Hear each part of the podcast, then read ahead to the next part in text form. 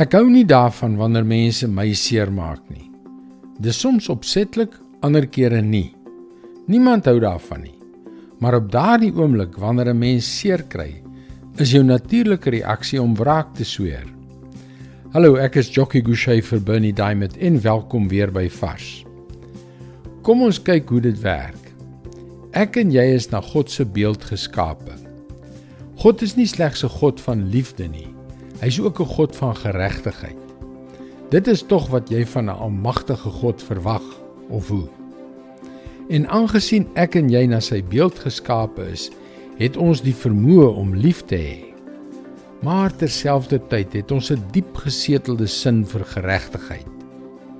En kom ons wees eerlik, wanneer iemand ons seermaak, is ons natuurlike neiging om liefde by die venster uit te gooi en swaar terug te val op ons sin vir geregtigheid. 'n Onbetroubare reaksie wat ons op die pad van wraak lei. Jesus het dit geweet en dit is ongetwyfeld hoekom hy gesê het Matteus 5 vers 39 Julle het gehoor dat daar gesê is 'n oog vir 'n oog en 'n tand vir 'n tand maar ek sê vir julle julle moet julle nie teen 'n kwaadwillige mens verset nie As iemand jou op die regterwang slaan, draai ook die ander wang na hom toe. Dit is nie so maklik nie, nê?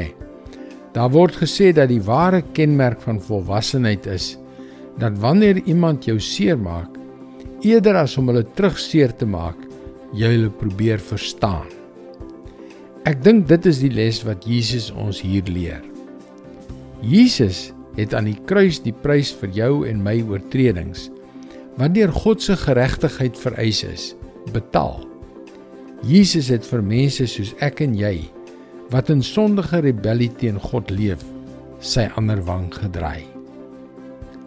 Draai jy dan ook die ander wang? Dit is God se woord vars vir jou vandag. Baie van ons seer kry word deur diegene wat naaste aan ons is veroorsaak. Jy het waarskynlik opgemerk dat ons 'n wye verskeidenheid onderwerpe hierop vars bespreek. Jy kan gerus laat weet as daar enige onderwerp is wat jy graag wil hê ek moet bespreek. Laat weet my asseblief by teachingtopics.org. Mooi loop. Tot môre.